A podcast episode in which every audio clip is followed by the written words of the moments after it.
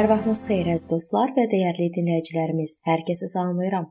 Mənim adım Sona və sizi Allahla 5 dəqiqə adlı podkastımızda xoş gördüm. Bu gün mən sizinlə Yoşiya padşah haqqında danışmaq istəyirəm. Yoşiya padşahın hakimiyyətinin ilk illəri idealdan uzaq idi. Atası Amon özünün qısa hakimiyyəti dövrünün böyük hissəsini bütlərə və şəkillərə qurban gətirməklə keçirmişdi və 2 illik hökmdarlıqdan sonra öz evində nökərləri tərəfindən öldürülmüşdü. Buna görə də taxta onun 8 yaşlı oğlu Yoşiya əyləşdirildi.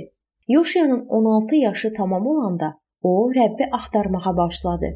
20 yaşında isə öz padşahlığını bütlərdən təmizləmək üçün 6 illik paklanma həyata keçirdi.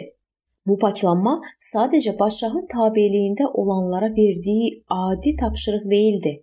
Padşah özü şəxsən bu işdə iştirak edirdi və bu iştirakçıların ümumi işinə çevrilmişdi. Yahudilər padşahın xeyirxah əməlindən ruhlandılar. Onlar işə Baalın qurbangahını dağıtmaqla başladılar. Onunla bağlı olan bütün təsvirləri məhv etdilər. Tökmə bütlər un kimi ovuldu və onlara sitayiş edənlərin qəbrinin üstünə səpildi. Onlar bütpərəst kahinlərin hamısını öldürdülər. Hətta onları özlərinə məxsus qurbangahda yandırdılar.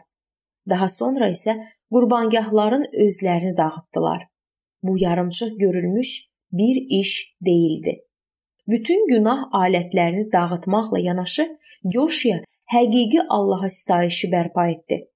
Onun üçün sadəcə günahı silmək kifayət deyil idi azad olunmuş yerə həqiqi sitayişi yerləşdirmək lazım idi. Allah izzətləndirildi və padşahın onun əyanlarının Rəbbin ardınca getdiyini görən xalq dirçəldi. Bu gün bizə bütpərəstliyin vəsvəsəsi barədə heç bir şey məlum deyil. Yoxsa məlumdur? Ola bilsin tökmə bütlər və ya balla iş birliyimiz olmayıb. Lüğətdə deyilir ki, büt bütpərəst xalqların ibadət etdikləri heykəldir.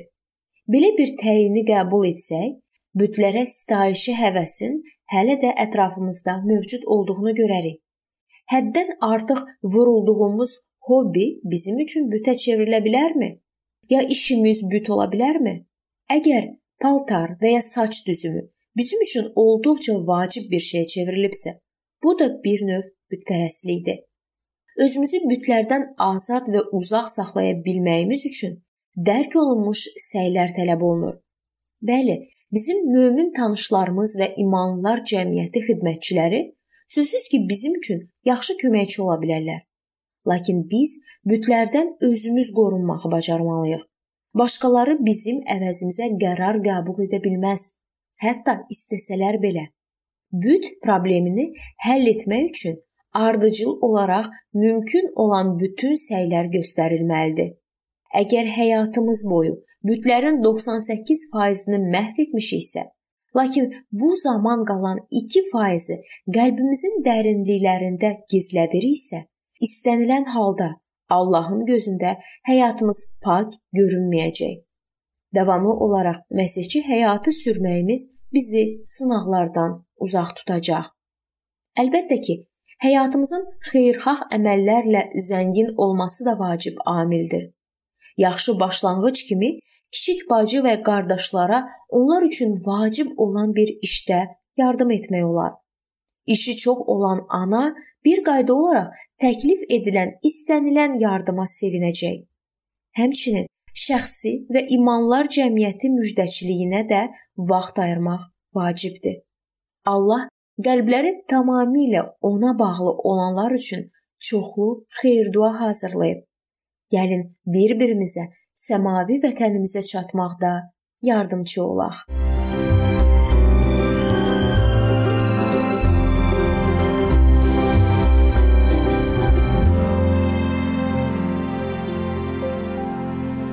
Beləliklə əziz dostlar, bu yerdə bu mövzu sona çatdı.